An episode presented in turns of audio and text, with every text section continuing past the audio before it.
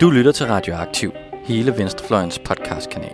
Vi bringer de nyeste nyheder fra klassekampen, dybtegående interviews, nørdede analyser og knivskarpe debatter. Hvis du kan lide, hvad du hører, så husk at følge os på SoundCloud eller din podcast-app, og du kan også smide et like på vores Facebook-side. Så læn dig tilbage, knap bukserne op og nyd en varm kop Rød Radio. Og øh, velkommen til Op i Røven med Patriarkatet. Jeg hedder Anna, jeg er bibliotekar, SF'er, og øh, så ser jeg rigtig mange tv-serier. Og jeg hedder Linda, og jeg er gymnasielærer og forfatter. Jeg er medlem af Enhedslisten, og jeg ser også en del tv-serier. Og den her øh, udsendelse har vi valgt at kalde Normkritik er det nye sort. Øh, og det er selvfølgelig, fordi vi i dag skal tale øh, tv-serier. Vi kommer til at snakke noget Orange is the New Black. Øh, den skarpe lytter har måske nok øh, regnet en sammenhæng med titlen ud øh, fra den. Vi kommer til at snakke om øh, Hannah Gatsby's Nanette en lille smule. Vi kommer til at drage paralleller til The Walking Dead, til øh, Game of Thrones og en hel del andre ting. Så stay tuned for det. Ja, og så er det jo, altså vi, vi kommer jo begge alle sammen fra en forskellig tv-virkelighed. Vi er jo alle sammen vokset op, i hvert fald i vores generation, med, med, med, med det der, hvad der hedder... Flow TV. Flow TV, som, øh, som man kalder det i dag, i, i forhold til det... det Dengang hed det bare tv. Der havde det bare tv, yes, lige præcis. I forhold til alt det on-demand, øh, vi jo sluger øh, i store rå mængder, og som i teorien burde være meget spredt, men som i virkeligheden også skaber samlingspunkter for os alle sammen. Ja, altså, man sige, da, da vi voksede op, der så vi alle sammen det samme. Altså, alle danskere havde stort set mulighed for at se de samme ting på stort set de samme tidspunkter. Det, dengang skulle man så sidde klar kl. 20 eller kl. 17, eller hvornår det nu var, for at se en bestemt tv-serie, og det skal man ikke på samme måde i dag. Ikke desto mindre, så ser vi lidt de samme ting på nogle streamingtjenester.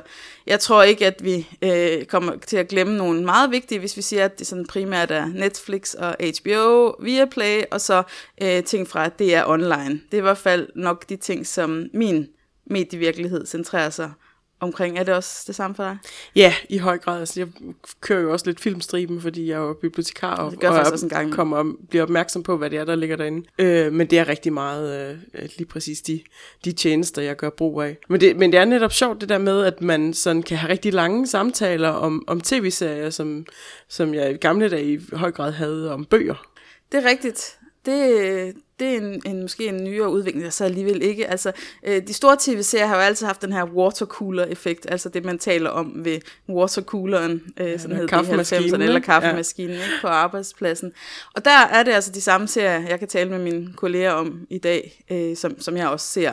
Så på den måde synes jeg, at øh, medievirkeligheden er blevet mere fleksibel, uden at vi for alvor har, har mistet fælles referencepunkter, som man måske godt kunne have været lidt bekymret for, når vi nu ikke alle sammen så den samme tv-serie kl. 20 hver søndag.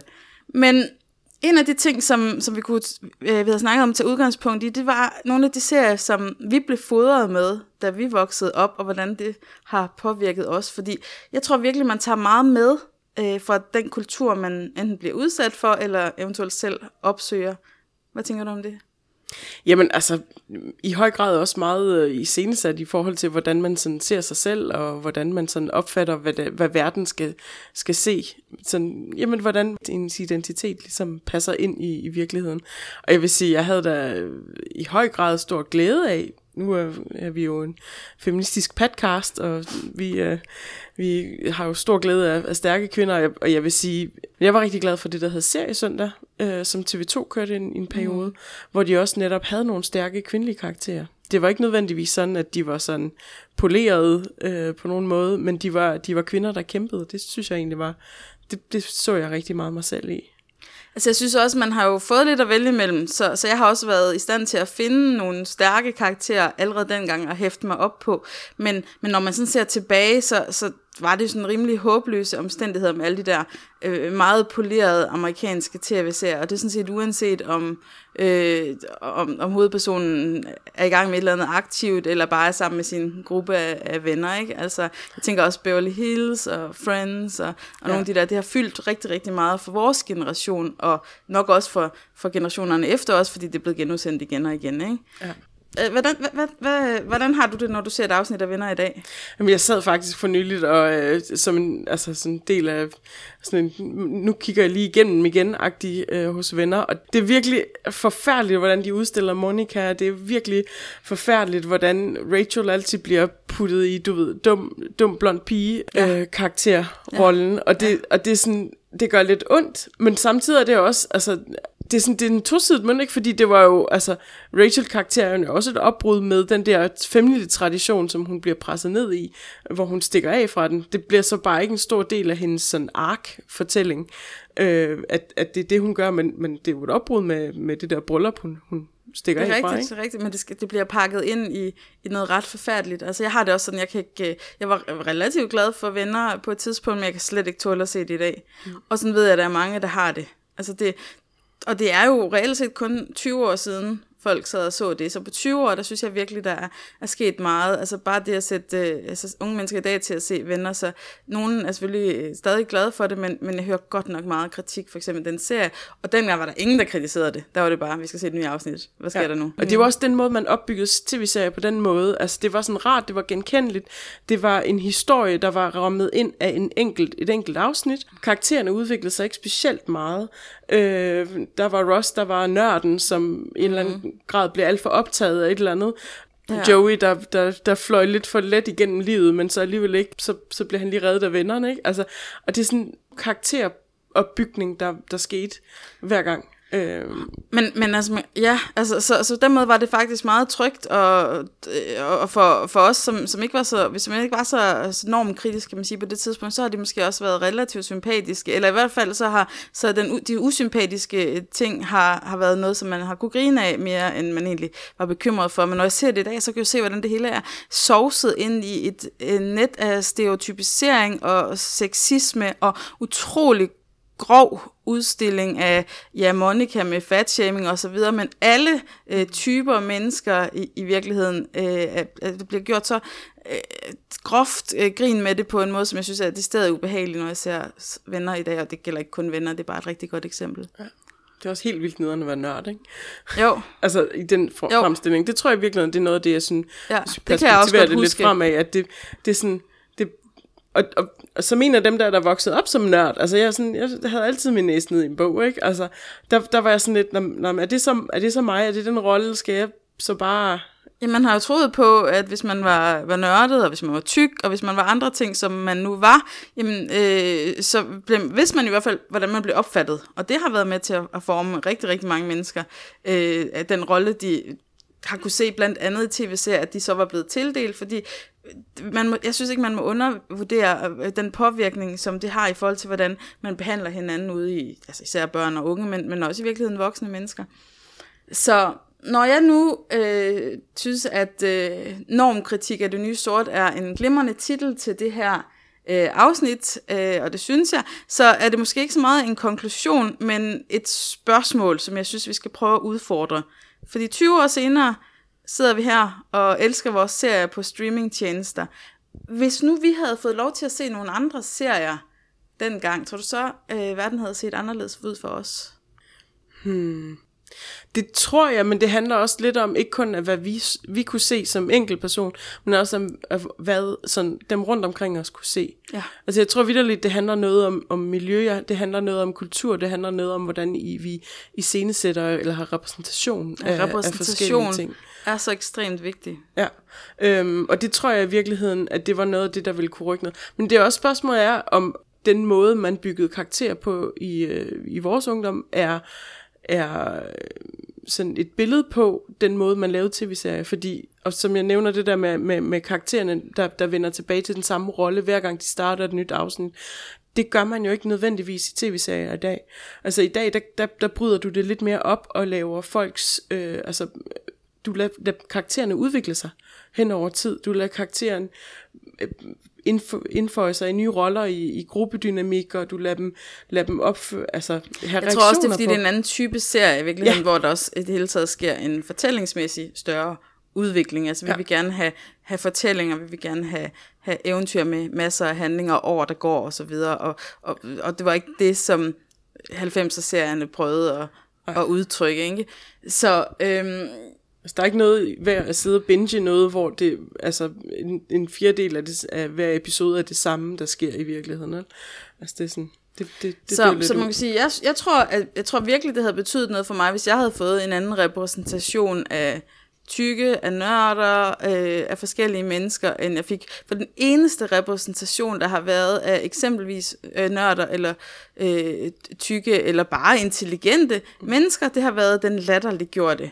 Altså, de bliver jo altid latterliggjort for, øh, for, for alt det, som, som passede til... Det, jeg bare kunne spejle mig en lille smule i, det var det, som, som karaktererne i tv-serierne blev latterliggjort for. Nå, men hvis vi så prøver at kigge på mediebilledet 2018, så har vi jo for eksempel begge to lige set den nyeste sæson af Orange is New Black. Ja, Og what's the verdict? Hvad synes vi om den? jeg er vild med den. Også jeg. Jeg er vild med den, fordi at de netop øh, har lykkedes at rumme det der med at bryde gruppen op, sætte dem et nyt sted og give nogle nye øh, jamen, hoved, bikarakterer, hovedkarakterer, det må vi jo så se, mm. hvor længe de holder ved. Men altså netop bygge nogle nye typer karakterer op. Øh, og igen er det jo stadigvæk, altså 98% af de karakterer, der er i, i den serie, er jo kvinder. Så det vil sige, at de spiller på, på flere, du ved, tangenter i forhold til, hvad, hvad kvinder kan være i en gruppe. Mm. Øhm, Ja, altså jeg tror, vi skal lige tage det forbehold, at det her, det skal overhovedet ikke være noget entydigt forsvar for noget som helst, man kan se på nogen som helst streamingtjeneste. Der er næsten problemer med alt, og der er intet, der bare er, er fejlfrit. Men når det er sagt, så er Orange is New Black en af de serier, der virkelig gør mig glad. Jeg tror, jeg tænker især meget på de kropsbilleder, vi ser. Mm. Det her, det er simpelthen en chance for at få lov til at se rigtige kroppe. Og når de er nøgne eller afklædte, så er det fordi, der er en fortællemæssig årsag til det. Ikke bare fordi nogen skal have lidt bart kød at se på, som man mistænker, vi har været ude efter Game of Thrones tidligere. Øh, og det samme så man også i, i det, sådan, det, det pæne, ordentlige omfang i, i for eksempel Venner og Beverly Hills, at så øh, skulle pigerne, kvinderne lige have nogle tanktops på, eller hvad det nu hedder, ikke alt sammen. Ja, så, så, så bare det, lige præcis, så bare det, at, øh, at vi får lov til, altså, at nøgenhed er relevant, og vi får lov til at se utrolig mange forskellige kroppe. Vi ser kroppe, som de rent faktisk ser ud. Ikke kun kroppe, også ansigter og måder at bevæge sig på, øh, og så videre. Det er faktisk en af de ting, jeg har hæftet mig ved den nye, øh, nye sæson. Det er netop, at vi går fra øh, det åbne fængsel, hvor sådan, du ved, flowet ind og ud af, af illegale varer er, er lidt større, til det mere lukkede fængsel, hvor de rent faktisk begynder at optræde uden make-up. Mm. Altså, og det, og det bliver meget i talesat, det der med, jamen, øh, kan du så bruge kaffepulver til øjenskygge, eller what not. Men, men, men, men flere karaktererne, så vi går fra at han, han relativt sådan, øh, sminket gruppe karakterer, til at have en mere sådan, jamen, Ja. sådan ser jeg ud. Mm. Øh, og Og det er jo selvfølgelig på grund af fængselsomstændighederne, men det er også noget, som jeg tror, øh, tiden i virkeligheden hungrer efter. Vi er trætte af at se øh, de polerede og, og sminkede karakterer. Øh, og, og og Den- du må gerne svede, når det er varmt. Eller, altså, det er sådan, det, altså, vi må, man må i højere grad have lov til at se ud, som man, man nu ser ud. Så jeg er meget, meget vild med især øh, krops, øh, personlighedsbillederne mm. i Orange is the New Black. Øh, menneskerne, øh, karaktererne er bestemt ikke nødvendigvis øh, sympatiske, men de er menneskelige. De har øh, en, en meget bredere palette af, af menneskelighed og, og kropslighed, og det synes jeg er ekstremt befriende, øh, og, og til sammenligning med næsten alle andre tv-serier. Ja. Så på der, jeg tror, og jeg tror virkelig, der ligger enorm kritik i de valg, som øh, skaberne af Orange is the New Black har truffet. De har valgt, at vi går udenom de her gængse måder, som man øh, plejer at, øh, at, fremstille øh, karakterer på. Der er også øh, i den nyeste serie, eller nyeste sæson, der er der en, en meget sådan, øh, en ret øh, tyk karakter. Det er jo noget, der altid interesserer mig, også på det teoretiske plan, og som vi også har talt om tidligere. Øh, og, og det super, super fantastiske ved den ellers relativt usympatiske karakter, det er, at det bliver på intet tidspunkt i talesat, at hun er tyk. Hun er der bare, og hun har mange øh, karakteregenskaber, og hun bliver omtalt som hende den rødhårede, øh, og hun, er, hun har nogle gode sider og nogle dårlige sider, ligesom alle de andre.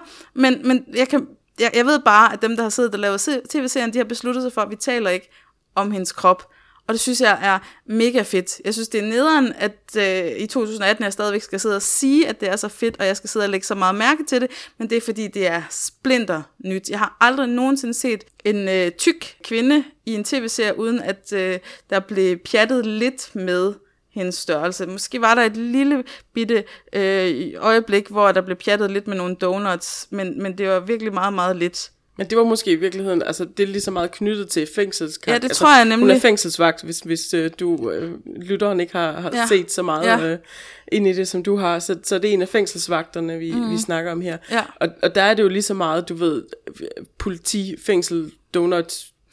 Det kan nemlig godt være. Så, så som udgangspunkt, så er de gået udenom at sige noget som helst om det, og det, det burde, sådan burde det selvfølgelig bare være, men af en tv-serie at være, der er det et, et ret ekstremt nybrud.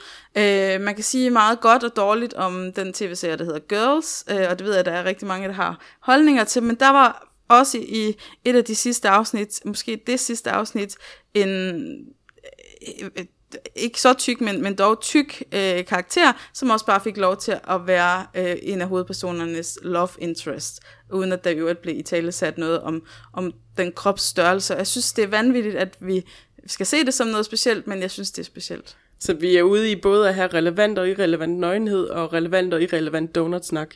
Det kan man sige. Det kan man sige. Ja. Så en, øh, en anden ting, som, som jeg kan forstå, at hele verden har siddet og set på Netflix den her sommer, det er Hannah Gatsbys øh, stand-up show, der hedder Nanette. Og ja. Det har vi begge to også været ret begejstrede for. Jeg synes, det er lidt sjovt, at den ryger i kategorien stand-up show, fordi den starter altså med strukturerne fra et stand-up show, og så ender den i en mellemting mellem en TED-talk og et op, øh, opråb. Det er rigtigt. Det er fordi, hun er kendt som stand-up-komiker, så det, ja. Hun kalder det nok også i virkeligheden selv et, øh, et show i hvert Show, fald, og ja. hun, hun er kendt Lige som, komiker, ikke? Ja. Men det bliver, men det bliver, altså det bliver sådan en meget lang monolog, der handler om ulighed, øh, jamen normkritik, eller mulighed for normkritik, mm. eller irrelevans i normkritik. Fordi jeg tror også, en, en, stor, en stor del af det, der er rammen i hendes show, er også bare, hun, hun vil bare gerne have lov til at være sig selv. Ja, altså hun, øh, hun er vant til at identificere sig som, som lesbisk, og øh, hun kommer fra New Zealand, hvor homoseksualitet faktisk har været forbudt helt frem til, at hun var et ungt menneske, Hannah Gatsby. Øh, og, og det har hun selvfølgelig lidt meget under, det blev hendes personlige fortælling. Øh, og- men, men det, det stiger langt hen over det, og kommer til at, at, at være, som du siger netop, et, øh, et opråb og et opgør med alle mulige måder at, at se øh, mennesker på. Og også med komik. Altså hun tager sit udgangspunkt i, øh, at hun selv har været stand-up-komiker, og hun har været, øh, altså hun har prøvet at spille efter nogle af de faste spilleregler, men det gider hun ikke mere. Nej. Og jeg tror, jeg tror lidt, det er noget, en, en tendens, der er mange ting, man kunne sige om det show, og vi kunne sige mange ting, men, men, men det, at, at flere og flere enten aktivt eller ret tydeligt, øh, sådan implicit, bryder med nogle af normerne og reglerne, det er på en eller anden måde en tendens i tiden. Jeg er ikke klar til at sige, at det er den store frelse, der er kommet, men jeg synes, det er rigtig, rigtig opløftende. Men jeg tror også, jeg tror det der, jeg synes der er rart, det er, at man også kan følge hende. Altså fordi hun netop har bygget sit show op, som at, at man følger hende i hendes start, som er, at komik er en måde at håndtere og arbejde med, at hun synes, at livet er svært. Og det er noget, hun har talent for, det er noget, hun har udviklet talent for, fordi hun er endt i en gruppedynamik, hvor hun har skulle comic reliefe mm. sig ud af rigtig, rigtig meget. Især, jeg ved ikke, om jeg skal kalde det en spoiler warning, fordi det er en oplevelse i sig selv at se showet, men, men noget af det, der er hendes, hendes pointe, det er, at det kan godt være, at hun har gjort grin med at blive råbt af i byen, men hun fortalte ikke videre, hvad der skete i resten af historien, som er, at hun fik tæsk. Nej. Altså, og at, at der er en grænse for, hvad man kan med komik. Ja. Og det, og det også er en pointe i hendes show, det er, at, at hun har kunnet skubbe sine grænser for, hvad man kan snakke om, og vores grænser for, om hvad man kan snakke om med komik så langt. Men hun kommet dertil, hvor hun ikke altså, kan, kan lave opråbet med komikken mere. Så derfor bliver det nødt til at bevæge sig videre i noget andet. Hvis man skal forsøge sig med en parallel med tv-serierne, hvor vi sidder mm. og stort og flot og siger fra for 20 år siden til 2018, der er der virkelig sket nogle ting, så kan man jo også sige, at det nok har været en glidende overgang, ikke? Fordi hvis man havde sendt en, en tv-serie, som så bare noget anderledes på karakterskildring dengang, så havde det næppe øh, ramt publikum på samme måde. Øh, så, så jeg tror godt, vi kan konstatere en glidende overgang hen imod noget, som vi i hvert fald kan, kan opleve som sympatisk. Ja. Altså, jeg har nået set enkelt eller to afsnit af den serie, der ligger på HBO lige nu, som hedder The Heathers. Ja. Som er sådan en, en remake af en gammel film, tror jeg, ja. fra 90'erne. Ja. Ja, øh, og der, er- der, er, øh, der er en karakter, der dør i starten, øh, som er hende, den populære pige. Mm. Øh, og hende, den populære pige, er en tyk pige i den her historiefortælling. Det ved jeg ikke, om hun er i den oprindelige. Øh, det kan jeg faktisk ikke huske. Jeg har set den for rigtig mange år siden, og jeg husker den som en rigtig glimrende film, men jeg er dårlig til at huske plot, når der er gået så mange år. Ja. Men det bliver i talsat i øh, det her øh, skole, skole, skolerådet, at de voksne, der sidder og styrer skolen. Ikke? Øh, men sådan, sådan et stort spørgsmålstegn, det, så er vi igen ude i komikken, og det tykke og komikken, der, der, der, der lidt har gået hånd i hånd rigtig lang tid, og som, øh, som vi er ved at bryde op med. Men, men, men der bliver det også altså, af en af karaktererne, ikke af de andre, af en af karaktererne stillet det der spørgsmål, som, jamen, hun var tyk, hvordan kunne hun være populær? Okay. Og det tror jeg i virkeligheden er noget af det, altså hvis I tænker endnu længere tilbage, altså som, som jeg synes var den svære rolle ved at by, vokse op med de der sådan meget fastsatte karakterer, det var at øh, t- altid tænke sig ind i den nørden, eller altid tænke sig ind i den tykke, altid tænke sig ind i sådan outsider-rollerne. Mm. Øhm, det er jo det er jo det er vi ved at have et opbrud med, ikke? Men det er svært, at man, når man stadigvæk skal, man skal lave en fortælling, at man stadigvæk nødt til at prøve at ligesom tage serien i hånden og, og fortælle, vi hvad, hvad, hvilke forbehold man har taget, og hvilke forbehold man godt ved, man kommer til at møde.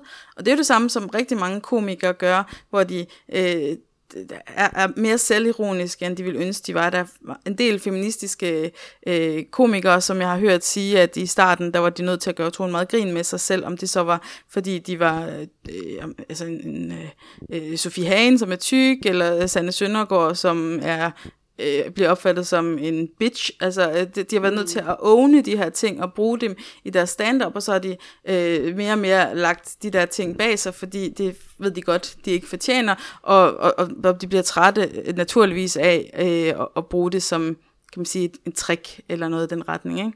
Men jeg synes, øh, jeg, jeg synes bestemt, øh, at der sker nogle ting. Jeg øh, vi er lige ved at gense øh, The Walking Dead, og jeg har haft sådan en drøm om at skrive en, øh, skrive et eller andet om udviklingen i The Walking Dead, fordi det viser sig, af sandheden, og det er det jo ikke, fordi det er en tv-serie, men det viser sig, at i zombie-apokalypsen, der bliver kønsrollerne mindre og mindre irriterende undervejs.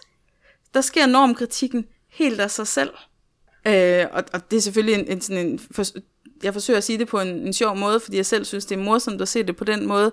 Men Øh, men de første sæsoner af The Walking Dead er virkelig, virkelig irriterende med karaktertegningen, og derefter så går det i en bedre og bedre retning, og det er selvfølgelig fordi, øh, ja, handlingen, det handler om, at øh, de skal dræbe nogle zombier, spoiler alert, øh, men, men så er det hele også opsummeret, de skal dræbe flere og flere zombier og enkelte mennesker, som er trælse, øh, men, men det bliver de jo nødt til at samarbejde om, og de skal klare sig for, med lidt mad og på nogle øh, svære steder, og de skal kunne håndtere våben og alle de her ting, og så bliver det bare ikke ved med at være plads til at gå op i make-up, og hvem der skal vaske tøjet, øh, og, og de gamle kønsroller. Så, så man kan sige, når jeg ser The Walking Dead, så er det selvfølgelig spændende at se, hvor godt de klarer sig mod zombierne, og hvem der dør i det afsnit og det afsnit. Men det er også spændende at se, hvordan der simpelthen ikke er behov for kønsroller, når ting, det handler om noget andet. Altså, jeg er jo kæmpe fan af zombie- og horror-genren, især zombie-genren, øh, netop fordi øh, jeg ser ikke kun, du ved, splatter øh, vi slår en zombie i hovedet i det.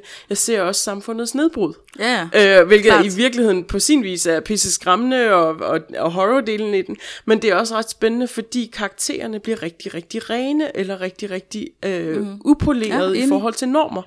Og, og det er det der med, at vi går fra øh, at vi har nogle øh, dels nedarvede regler, øh, dels nedskrevne regler, men også, også nogle kulturelle regler for, hvordan vi agerer med hinanden. Og, og de bliver brudt ned, lige så stille og roligt.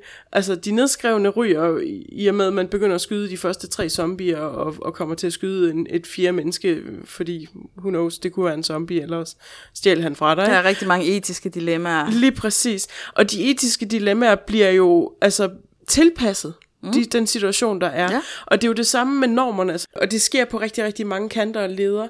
Og, og det, øh, det tror jeg i virkeligheden, det er fascinerende. Jeg tror i virkeligheden, det er det, der gør, at øh, zombie-fortællinger, øh, eller apokalypse, hvad? Apokalypsen. det er et svært ord, ja. øh, at, det, at, det bliver, øh, at det bliver en fortælling, der er stærk og spændende, især i sådan langdraget mm. tv-formatet. Altså, jeg elsker øh, apokalyptiske fortællinger, blandt andet fordi, når jeg forestiller mig, hvordan det ville være øh, i en en, en sådan et nedbrudstilstand i samfundet, som var brudt ned, så tror jeg, at jeg vil have bedre muligheder for at være mig selv. Og det viser jo mig alt om, hvordan det er, at, at samfundet er med til at, at, at holde mig øh, på en anden måde, end, end jeg egentlig er. Ikke? Jeg forestiller mig helt klart, at jeg vil kunne folde mig meget mere ud øh, under sådan nogle omstændigheder, hvor der vil være, det ikke vil være et forventningspres i forhold til, hvordan man for eksempel skal være for at, at have et job, eller øh, være populær blandt mennesker. Ikke? Og, altså, jeg synes ikke, at, at mit liv drejer sig ret meget om det, men, men, men alligevel så er der ret mange øh, skrevne og uskrevne regler, man, man ender med at gå og overholde. Jamen det er også det der med, at det er sådan, vores liv i dag er rigtig meget defineret af, at vi har et, et bredt og langt udsyn i forhold til os selv og i forhold til andre. Altså øh, levede vi for 200 år siden, så havde vi måske haft det fint hjemme på vores families gård. Ja. Og så var vi måske blevet gift på et tidspunkt, måske var vi ikke blevet gift, men, men vi havde bevæget os inden for den samme par kilometer af, af vores område. Vi havde lært et, øh, et, et fag eller haft, øh, haft et håndværk, vi, øh, vi, øh, vi forholdt os til. Det kunne måske godt bare være at vaske tøj. Men og al vores tid gik med at, at sørge for ting. Øh, madlavning, tøjvask, øh, ja. alt muligt andet. Lige præcis, og ja. ikke så meget tv-seriekigning. Ikke så meget tv-seriekigning. det får os til at tænke alt, alt for meget. Ja, lige præcis. så. Men det, så det, altså, det er virkelig det der med, med, med spejlingen også, altså i virken, altså, der er en spejling mellem tv-serierne og det liv, vi har i dag, og de, mm. de behov, vi har i dag. Helt klart. Så er der jo Game of Thrones. Øh, den har vi været omkring før, fordi den er ekstremt irriterende, når det her kommer til kvinder og kropsbilleder, og samtidig så er den så god, at vi på en eller anden måde synes, det retfærdiggør den. Eller det synes jeg faktisk ikke, for det er mega irriteret på den, men jeg glæder mig samtidig til at få afslutning, fordi det er en ret god fortælling. Det synes jeg er, et ret, øh, det, det er et af de store problemer, når de gode fortællinger, eller det man ser, øh, det man har adgang til, de, de har den her elendige repræsentation. Jo vist, der er stærke kvinder øh, i Game of Thrones, og der er især nogle enkelte kvindelige karakterer, som betyder ekstremt meget, men der er også sådan en, øh, en utrolig grad af male gaze øh, og seksualisering, som er, er fuldstændig unødvendig, og, øh, og som vi har snakket om, magten, øh, som, som visse kvinder har i den serie, skal altid ophæves af, at de samtidig skal spille en eller anden kropslig seksualiseret rolle. Jeg håber virkelig, at, øh, at vi kommer til at se flere, øh, flere tv-serier, der, der bare har, sådan, har overvejet noget normkritik i forhold til, hvordan øh, hvordan de fremstiller især, tror jeg nok, kvindelige karakterer, men, men det hele hænger jo sammen, så, så det, det gælder jo alle det... karakterer, og så har vi slet ikke været omkring øh, queer og alle mulige andre genderfluid, transkønnet osv., som, som også er begyndt at få en, en grad af repræsentation, som jeg tror er rigtig god, men det er også stadigvæk i det svorden, så, så ganske ofte så, så bliver der måske forsøgt noget, men enten er det sådan af kommercialiserede kapitalistiske interesser, eller også så bliver det bare ikke gjort godt nok. Men jeg tror nok, man får lov til at se nogle glimt af, af sådan noget, hvor det, hvor det også begynder så småt at fungere. Altså jeg synes, det er svær overgang, fordi vi har jo at der er blevet lavet The L-Word, og der er blevet lavet... Hvad har vi ellers at se? Jeg har faktisk ikke rigtig set øh, øh, den der, øh, og så ved jeg, at der øh, altså, øh, er nogle, en del andre tv-serier, Transparency er der en, der hedder, mm. og så videre, som, mm. som jeg primært ved er, er vældig kritiseret, selvom de forsøger. Ja. Men i Orange is the New Black er der jo netop øh, en af fangerne, en af øh, primært øh, castet, som, som er transkønnet.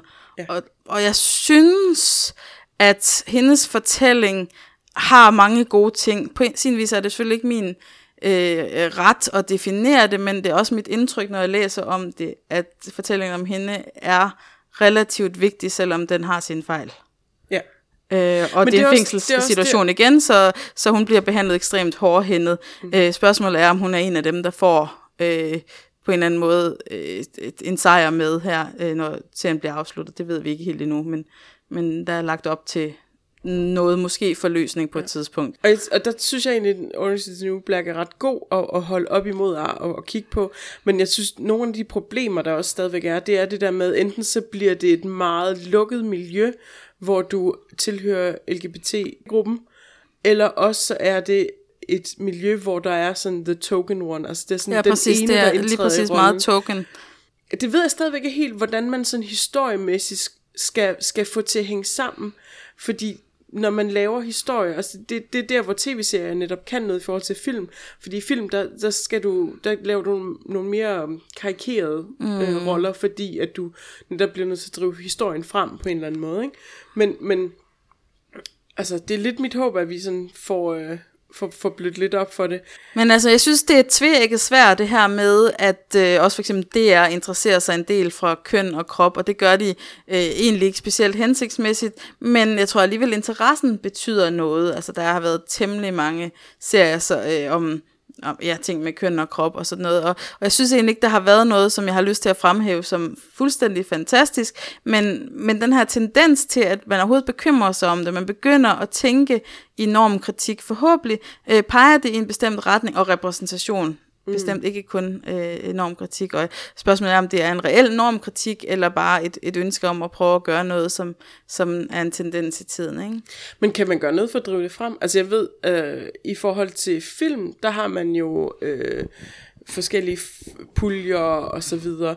Altså, er det noget, som man kan drive frem, eller er det noget, som der dynamisk skal udvikle sig? Altså, er vi der, hvor at, at, venner var år 0, vi så har bevæget os frem, og den progression, som, som kommer, fordi vi er med til at fremelske den, og med til at understøtte den som, som feminister og som, som seere. Og... Altså, det er et godt spørgsmål, fordi øh, serier og film og så videre skal jo have serier, øh, seere, Mm. serier skal have seere, og, og man er nødt til på en eller anden måde at kæle lidt for seerne, og det betyder også, at seerne skal være klar til det, de får, fordi ellers så bliver øh, så er den ikke salgbar, så er den ikke populær.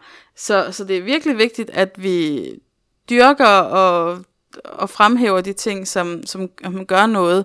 Men, men altså man kan sige, hvis jeg skulle forestille mig et ideal produkt, så, så er jeg bange for, at, øh, at det ikke ville kunne passe ind i kapitalismen på nuværende tidspunkt. Så derfor så bliver jeg så glad af de små glimt, hvor jeg synes, der er noget, der er blevet bedre. Men det kan også blive en sovepude, så derfor synes jeg, øh, det er virkelig svært at komme med nogle, nogle svar og bud. Altså grundlæggende er jeg begejstret for, at øh, ungdommen nu om dagen sidder og ser en anden type serier, end vi gjorde. Mm. Det tror jeg altså virkelig er godt, og jeg ved, jeg tror altså også på, at, at ungdommen tænker øh, krop og, og køn og, og roller på en helt anden måde, øh, eller i hvert fald har mulighed for det, og har mere at spejle sig i, blandt andet også fordi de har internettet. Øh, på en anden måde, så synes jeg stadigvæk bare, at der er så utrolig langt igen, og det er øh, kapitalismens skyld, og det er patriarkatets skyld, og sådan ender det jo altid, ikke? Jo, grundlæggende set. Uden at man kan sige, at vi er kommet til bunds i den her snak, så er vi nået dertil, hvor vi må konstatere, at det er stadigvæk en øh, benhård kamp mod øh, kapitalismen, en benhård kamp mod patriarkatet. Ja, og vi kæmper sammen, ikke? Så øhm, lad os øh, have et underforstået øh, spørgsmålstegn i titlen. Normkritik er det nye sort, men øh, jeg synes, det har været øh, spændende at kigge lidt på øh, kropsbillederne i populærkulturen. Bare en en lille smule. Måske kan vi tage en opfølger på det om et par år. Så tak for den her gang, og op i røven med patriarkatet. Op i røven med patriarkatet.